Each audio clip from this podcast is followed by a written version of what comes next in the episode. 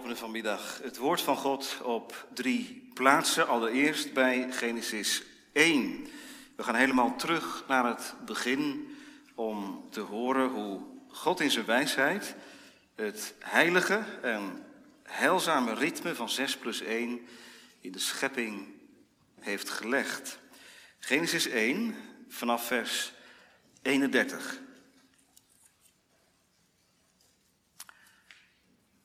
Daar lezen wij het woord van God en God zag al wat hij gemaakt had en zie, het was zeer goed. Toen was het avond geweest en het was morgen geweest, de zesde dag. Zo zijn de hemel en de aarde voltooid en heel hun legermacht. Toen God op de zevende dag zijn werk dat hij gemaakt had voltooid had, rustte hij op de zevende dag van al zijn werk dat hij gemaakt had. En God zegende de zevende dag en heiligde die. Want daarop rustte hij van al zijn werk dat God schiep door het te maken. Vervolgens Exodus 31. Exodus 31, vers 12 tot en met 17.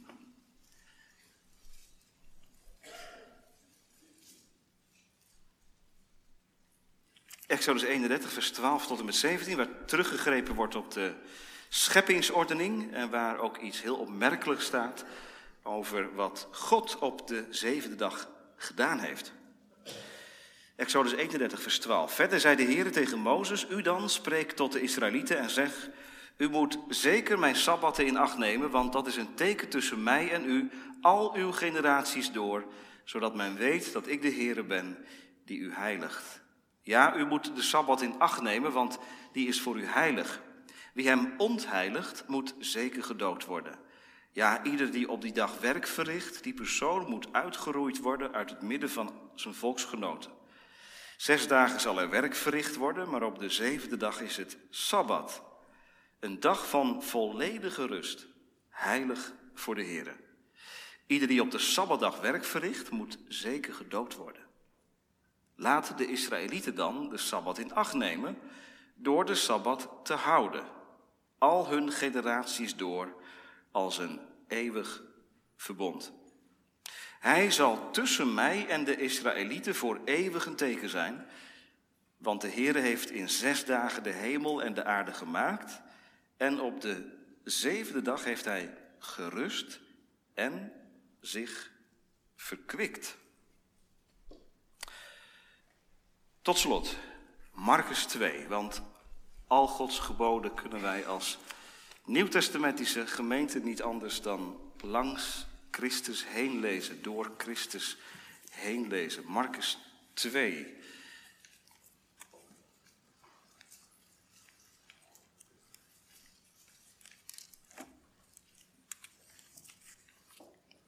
Marcus 2 vanaf vers 23. En het gebeurde dat Jezus op een sabbat door de korenvelden ging en zijn discipelen begonnen onder het lopen aren te plukken. En de fariseeën zeiden tegen hem, zie, waarom doen zij op de sabbat iets wat niet geoorloofd is? En hij zei tegen hen, hebt u nooit gelezen wat David deed toen hij in nood verkeerde en hij honger had en zij die bij hem waren? Hoe hij het huis van God binnengegaan is ten tijde van Abjatar de hoge priester, en de toonbroden gegeten heeft, die niemand mag eten behalve de priesters, en ze ook gegeven heeft aan hen die bij hem waren. En hij zei tegen hen, de Sabbat is gemaakt ter wille van de mens, niet de mens ter wille van de Sabbat. Daarom, de Zoon des Mensen is Here, ook van de Sabbat. Tot zover de lezingen. Die zijn onderstrepend, ondersteunend bij zondag 38. Vanmiddag en volgende week, DV, wil ik met u, met jou, naar de boodschap daarvan luisteren. Volgende week weer praktische uh, insteek. En nu, ja, theoretisch wil ik het niet noemen, maar um, iets meer de lijnen vanuit, uh, vanuit de Bijbel. Zondag 38, vraag en antwoord 103. Wat gebiedt God in het vierde gebod? Ten eerste dat de kerkdienst of het predikant en de scholen onderhouden worden. En dat ik, in het bijzonder op de Sabbat, dat is op de rustdag, tot de gemeente van God, naastig, ijverig, komen. Om Gods woord te horen, om de sacramenten te gebruiken, om God de Heere openlijk aan te roepen, om de armen christelijke handreiking te doen. Ten tweede dat ik al de dagen van mijn leven van mijn boze werken ruste en de Heere door zijn geest in mij werken laten. En zo de eeuwige Sabbat in dit leven zal aanvangen. We zingen straks naar de preek Psalm 84, vers 1. Psalm 84, vers 1 als amen op de verkondiging. Gemeente, jongens en meisjes, vanmorgen vertelde ik u, vertelde ik jullie dat wij, mijn vrouw en ik, in Utrecht zijn geweest om die expositie te bezoeken en om terug te komen. We hadden de auto uh, buiten Utrecht neergezet. Um, moesten we bij het CS komen. En na een stadswandeling moesten we door Hoog Katerijnen. Nou, wie dat kent, die weet, die shoppingmall, dat is echt een feest. Tenminste, niet voor mij, want ik hou echt niet van winkelen. Maar je kunt je hart erop halen. Wat een prikkels. Overal reclame, zuilen, borden, video's, geluid. Deuren die openstaan. De rode loper ligt uit, je kunt er zo naar binnen. Wat een prikkels. In een paar minuten, ik was blij dat ik daarna ook naar buiten kon.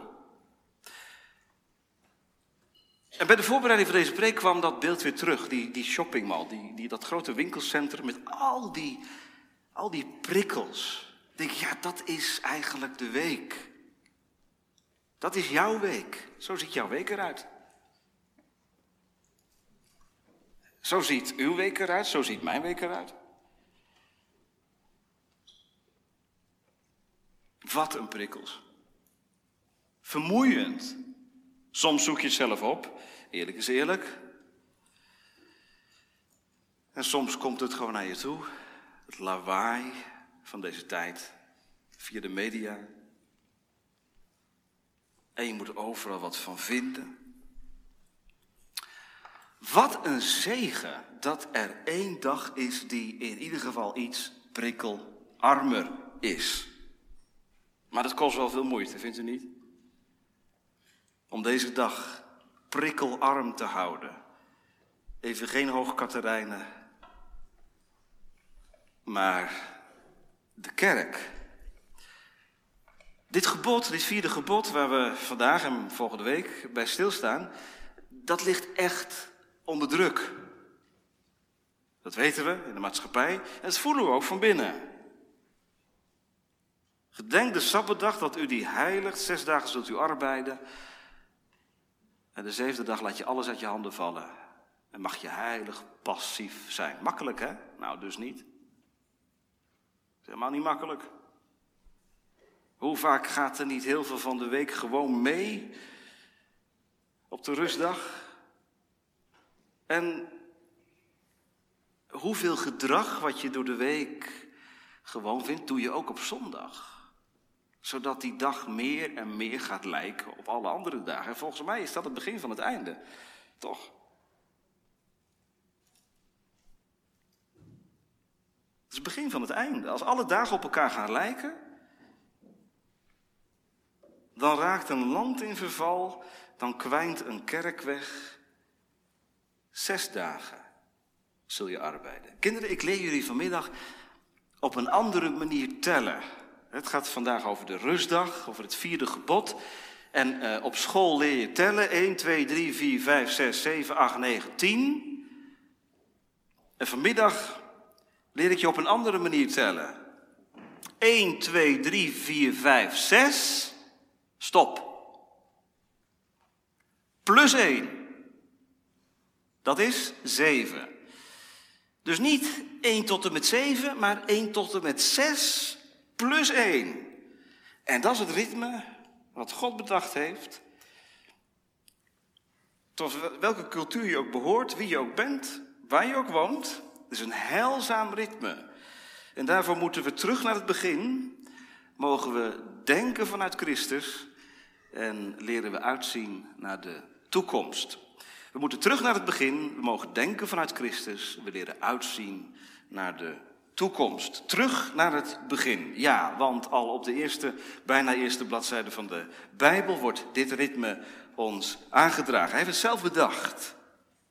Die verdeling in dagen. Later zijn daar nog heel andere verdelingen bijgekomen. We hebben ook een kalender bijvoorbeeld. Maar dit is een ritme waarvan je kunt zeggen, dat heeft geen mens bedacht. Zes dagen gebruikte God om alles te maken. En die zevende dag rustte hij van al zijn werk. Waarom zes? Ik las eens een onderzoek dat liet zien dat het menselijk lichaam een ritme van 24 uur nodig heeft en dat één op de zeven dagen rust dus aansluit bij ons lichaam. Ja, hoe kan het ook anders? God, de architect van ons lichaam, heeft ook met zijn wijsheid dit ritme bedacht. Ga je er overheen, ga je over je grens, ga je over deze grens, dan betaal je tol. Dan gaat er iets mis. Zes plus één en die zevende dag was niet zomaar even een, een, van de week. Ja, toen had God niets meer te doen, toen was alles klaar. En nee, die zevende dag heeft hij gezegend en geheiligd, staat er in Genesis 2. Hij heeft een speciale bedoeling, want alles wat hij zegent en wat hij heiligt, wat hij apart zet, daarvan kun je zeggen dat heeft een bijzondere bedoeling. Dat staat op zichzelf, los van alle andere dagen van de week. Hoe is dat voor God geweest? We lazen samen Exodus 31 hè, en ik heb het bewust even heel nadrukkelijk voorgelezen dat God op de zevende dag gerust heeft en, ik vind het zo mooi, hij heeft zich verkwikt. Dat lees je niet in Genesis 1, maar later in de Bijbel. God heeft zich verkwikt, hij heeft zijn hart opgehaald. Dat is wat anders dan achteroverleunen maar dat is je vermijden, je vermaken in wat hij zelf bedacht heeft. Nee, God was niet moe, want God is iemand die niet moe en die niet mat wordt. Maar hij nam die dag, die zevende dag, om op te gaan in zijn werk. Nou, als God dat al deed. En als God dat ook nadrukkelijk laat optekenen in de Bijbel. Waarom ik niet dan? En daarom lezen we ook in de Bijbel dat God deze dag zegende en heiligde met het oog op mij, met het oog op de mens. Hij doet het met het oog op zijn schepping. We hoeven niet altijd door te gaan. Een mens mag van ophouden weten. Wat genadig, vindt u niet? Wat is dit gebod genadig voor de mens in zijn algemeenheid? Je bent geen machine en God behandelt je ook niet als machine. God behandelt je als mens, als kunststuk uit zijn, uit zijn handen. En hij zegt, en daarom moet je een pas op de plaats maken. Eén dag per week even niet werken. Want je bent zomaar verslaafd aan je werk. Nee, zegt God, dan strepen doorheen. En zelfs de dieren mogen rusten. En de slaven. Een heilige pauze. Van hogerhand gegeven. En toch, dit botst geweldig. Ik weet niet of je dat ook voelt van binnen als je luistert naar de preek vanmiddag, maar dit botst geweldig. Want dat doorgaan, dat zit in ons bloed. Wij willen door. En wij willen niet alleen door, maar onze baas wil ook door. En de maatschappij wil door. En voor je het weet zit je zomaar in een systeem waardoor die rustdag zo onder druk komt dat je lichaam en je geest gaan wegkwijnen. Ja, dan zit je zomaar in Egypte. In Egypte? Ja. Want wat gebeurde er in Egypte? Wat zei de farao tegen Israël? In Egypte doorgaan, harder werken, meer produceren. Doorgaan, doorgaan, doorgaan.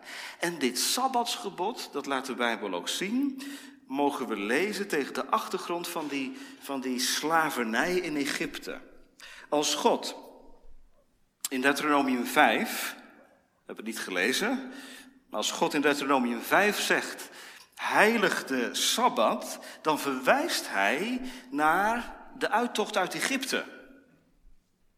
Volk van mij, jullie zijn verlost uit Egypte. Weet je wat dat betekent? Dat je uit die machinerie van de farao altijd doorgaan, altijd doorgaan. Hogere productie, betere cijfers. Dat je daaruit verlost bent. Gedenk de Sabbatdag. Zie je hoe God ons beschermt? Nou, dan moeten we vanmiddag gewoon eens even beurs bij stilstaan met elkaar.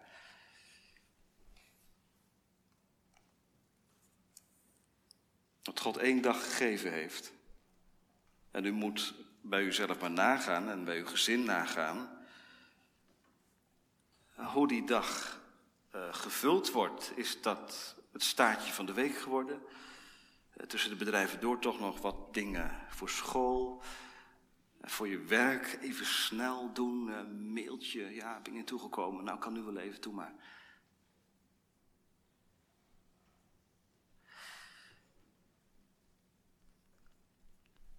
Wij hebben het in ons spraakgebruik uh, vaak over goed weekend. Hè?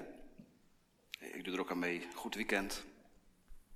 Eigenlijk zou je, als je iemand wil verrassen, de volgende keer niet zeggen goed weekend, maar goed weekbegin. Goed weekbegin. Want seculiere agenda's, die beginnen niet op zondag maar de christelijke agenda wel. De zondag is niet het staartje van de week. Dan kun je bijkomen, luieren, uitslapen, om weer door te gaan. Dan wordt die zondag, dan wordt die, die rustdag gewoon een, een, een, een oplaadmoment om weer door te jakkeren. Wat dat betreft hebben ze bij de Joden veel beter begrepen. Die hebben heel veel aandacht voor de voorbereiding op de Sabbat. Eh, wie van lezen houdt, het boekje van Abraham Heschel, een rabbijn, over de Sabbat is echt de moeite waard. Hij zegt de Sabbat, het is een, een koningin. En de koningin moet verwelkomd worden. Hoe vaak val ik niet in de zondag? Dus ja, u begrijpt, een, um, een goede zondagsbeleving begint eigenlijk ook wel een beetje op zaterdagavond, toch? Of zeg ik nou iets vreemds? Als dat wat op zaterdagavond gebeurt iets totaal anders is dan wat op zondag plaatsvindt, ja, dan, dan vloekt dat met elkaar, dan bijt dat elkaar. Wat is het mooi als je wat dat betreft iets meeneemt van de verwelkoming van de Sabbat van de Joden. Ik heb het één keer meegemaakt in Israël, de vreugde. Het spat er vanaf. Er wordt gedanst, er wordt gezongen. Want de Sabbat komt eraan. Toen dacht ik, ja, bij ons is de zondag vaak een, een dag van dan mag je heel veel niet. En dan moet je heel veel. Nou, ik ga het niet voorkomen, maar, maar heb het er samen eens over in het gezin, in het huwelijk. Hoe kun je dat nou voorkomen? Dat de zondag geen dag is van dit mag niet en dat mag wel, van gebod en verbod, maar een vreugdedag. Nou, het begint denk ik bij dit in te zien. Dat Gods geschenk bescherm, bescherming voor ons leven is. Dat Hij ons niet behandelt als een machine, maar als een mens. En dat we echt werkelijk alles uit de handen mogen laten vallen. Om op een andere manier deze dag te vullen dan alle andere dagen van de week.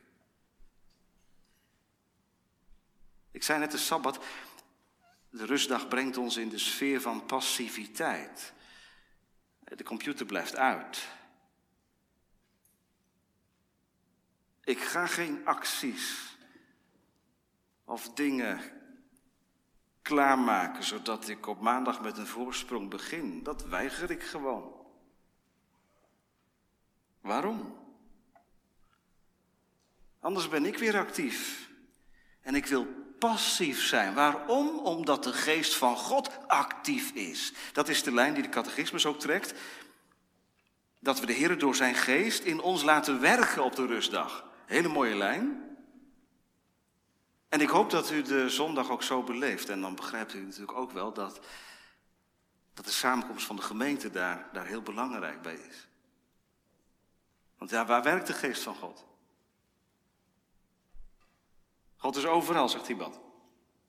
Bij een prachtige natuurwandeling, daar is God ook.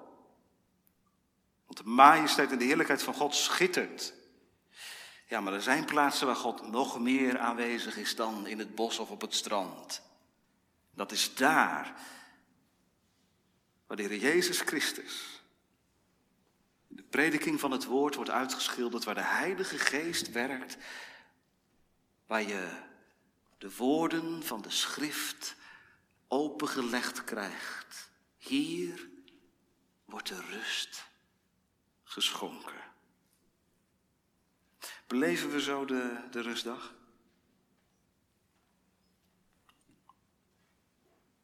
Merk je dat? Merken jullie dat, jonge mensen, dat de geest van God in je werkt?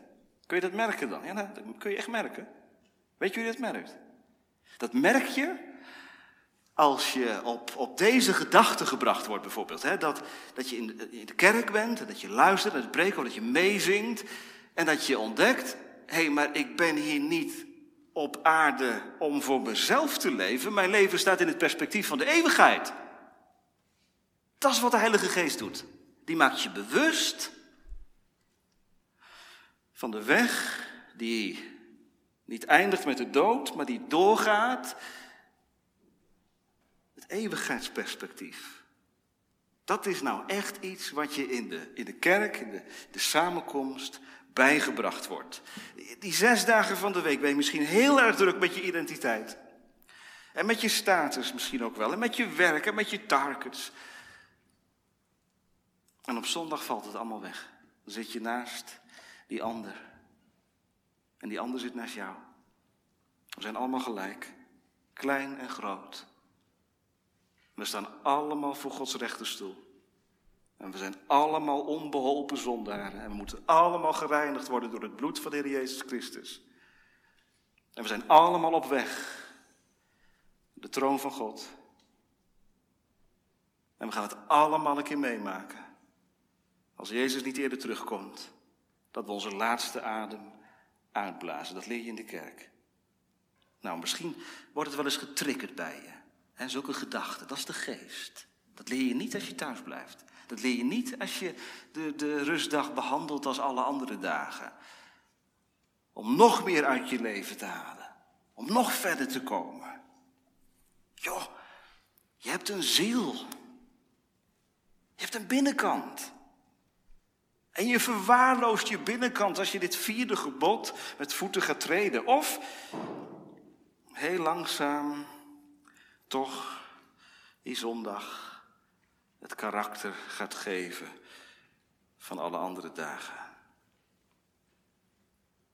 Ik had het over prikkels, hè. En ik ga voor u natuurlijk niet, niet invullen wat u moet doen. En, maar ga nou zelf eens na. Hoeveel prikkels komen er nog binnen op zondag? En waar zou je, waar zou je winst kunnen boeken?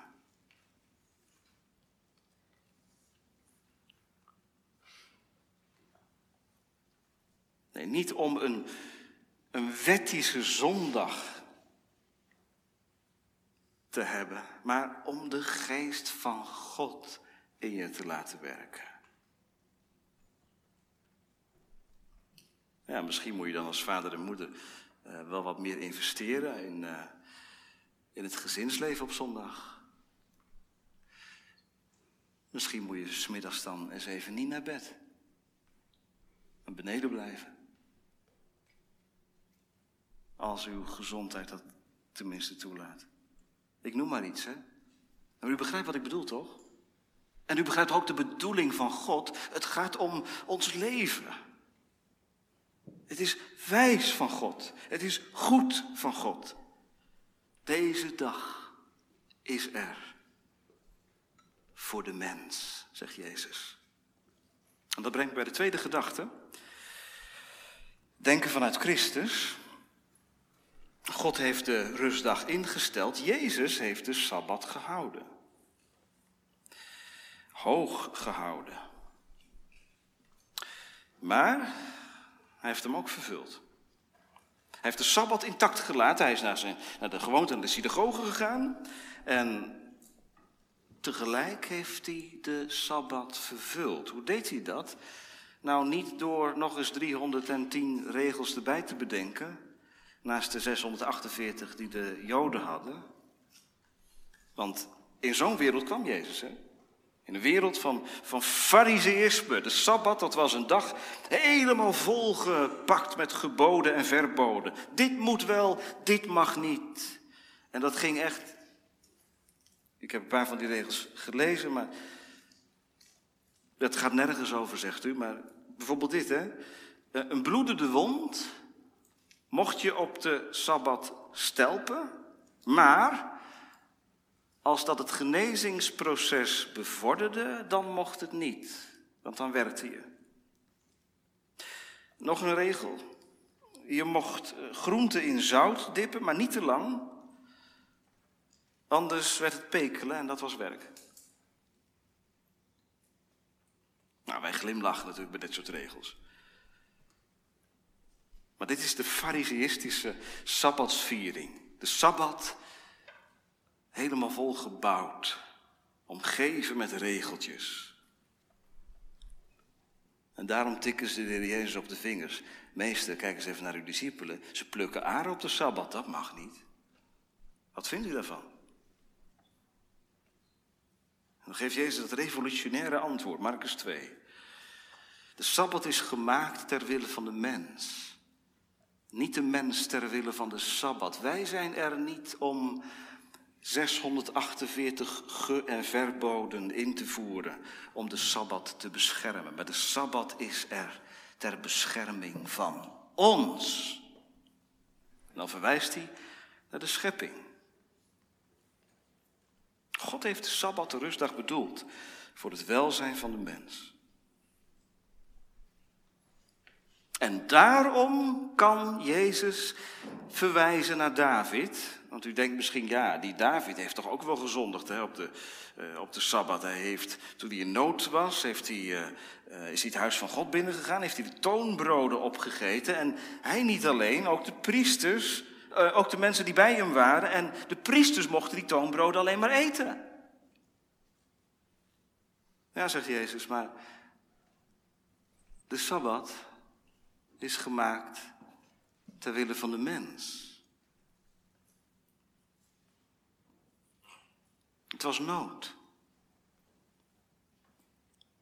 En nood breekt dat gebod.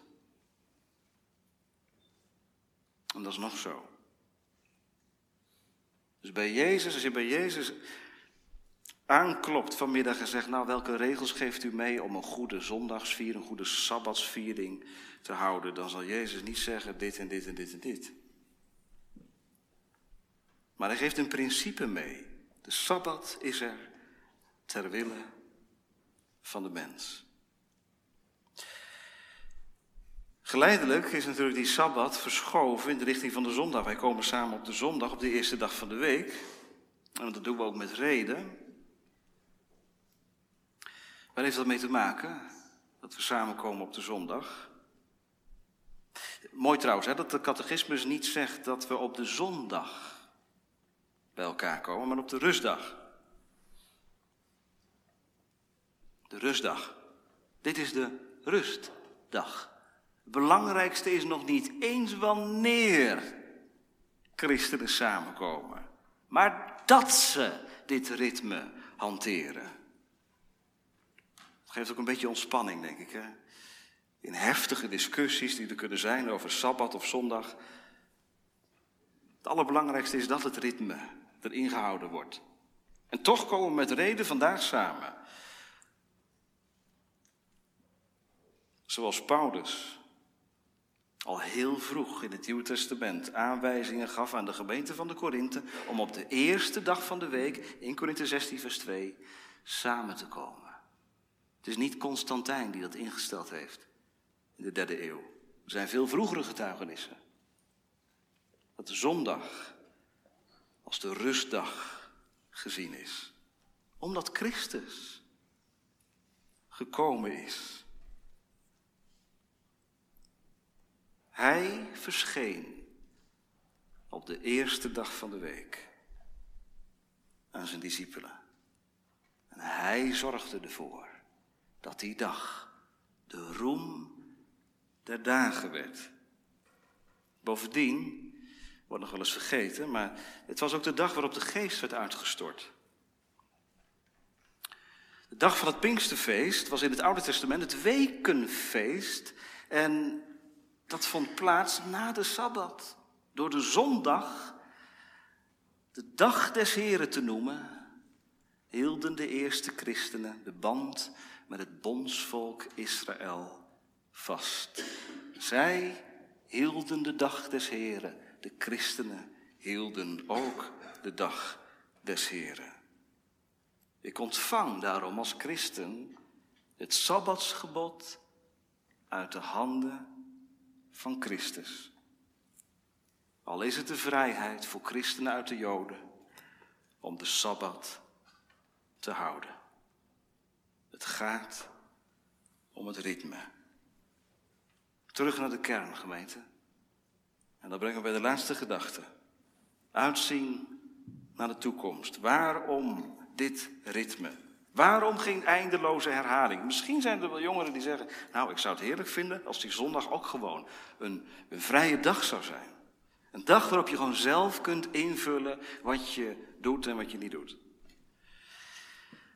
Ja, maar dat heeft te maken met dat perspectief, hè? Waarin ons leven geplaatst wordt. Dat jij en ik niet gemaakt zijn om zelf de regie te hebben, maar dat er één is die ons gemaakt heeft en die het beste weet hoe wij het leven door moeten komen. Dat is Hij. En je zult de waarde ervan gaan ervaren als je deze rustdag, deze pauze, heiligt. Hoe moet dat dan? Volgende week hoop ik daar nog veel meer over te zeggen. Maar dit is het belangrijkste. Dat we de Sabbat, dat we de rustdag ook werkelijk als de rustdag ontvangen uit de handen van God. Wanneer ontvang ik die, die dag dan als een rustdag? Als ik tot de rust aanbrenger gekomen ben. Is dat nou niet genadig? Als je nou door de week met dat gedraaf en dat geraas door je hoofd vanmiddag, vanmorgen in de kerk bent en hoort, kom tot mij die vermoeid en belast zijt, ik zal je rust geven, dan zit daar de kern van de goede Sabbatsviering. Dat je leert leven uit Christus. Voor mensen die moe zijn van het systeem. En van de productie en van alles wat geleverd moet worden zegt de Heer Jezus vanmiddag, ik heb het vierde gebod vervuld. Kom tot mij. Zondag. Zo'n dag. Het zou een geweldige zegen zijn als we zo de zondag gaan beleven. Of beleven. Dan is de zondag een feestdag. Want wij plaatsen dan ons leven In het licht van wat komen gaat. Van de sabbatsrust die overblijft voor het volk van God. De zondag is een korte pauze. En straks breekt de rust aan, die nooit meer voorbij gaat. Dan is het ritme 6 plus 1 voorbij. Dan begint de achtste dag, zegt Augustinus. Rustdag, zonder ooit onrustig te hoeven worden. Soms zou je willen dat het zondag bleef. Hè? Die onrust van de maandag en van de dinsdag, dat je dat niet meer had. Nou, dat is niet voorbehouden voor dit leven. Het wordt weer maandag. Maar deze zondag, deze rustdag, wil God gebruiken om je een beetje te leren oefenen voor straks. Ik ga naar de gemeente van God om een voorproefje van de hemelse vreugde te ontvangen. Dit leven het gaat voorbij. O God, als ik sterven moet, heb ik niets aan mijn positie, die ik verkreeg met veel moeite, maar is het enige wat overblijft. Ben ik gereinigd door het bloed van het lam. Kom, zegt de zaligmaker. Kom tot mij. En je zult hier al iets proeven van de rust, de eeuwige sabbat, die begint. Wat is dat, hè? Eeuwige rustdag. Wat zal dat zijn als dat ritme straks voorbij is, 6 plus 1? Is het dan eindeloos kerk? Nee, het beste is om te denken aan de ruimte, een andere ruimte van God, het vaderhuis. Waar de zoon zijn thuis heeft en waar hij op kosten van zichzelf plaatsen gereserveerd heeft voor zondaren. Voor geredde zondaren die gekomen zijn tot de Heer Jezus. En eerlijk gezegd hebben, o God, ik ben een slaaf van mijn tijd, van mijn geld. Maak mij vrij, opdat ik u dien. Nou, kan vanmiddag nog. Jij nou aangesproken bent onder de preek. Als een persoon die ja, eigenlijk aan de ketting ligt van het altijd maar doorgaan. Het ritme, ja, het zit er eigenlijk niet meer in dan ben jij degene die vanmiddag uitgenodigd bent om te komen. Tot wie? Tot Hem die aan mijn ziel het leven geeft. Want als er eentje weet dat ik een ziel heb, is Hij het. Kinderen, daarom ben je hier. Oh ja, ook een beetje natuurlijk omdat het moet. Je ouders willen het graag. Het allerbelangrijkste is dat jouw schepper, jouw God, de verbondsgod, jou wil leren. Ik ben geschapen om eeuwig te leven. En ik zal eeuwig leven als ik door het geloof in Jezus Christus een nieuwe schepping ben. Wat een zegen, dit Sabbatsgebod. En daarom verlang ik steeds weer naar die dag, de rustdag, die straks aan zal breken. En dan zal ik van de ene in de andere verbazing vallen. Nu oefenen. God is het waard. En mijn ziel vaart er wel bij. Amen.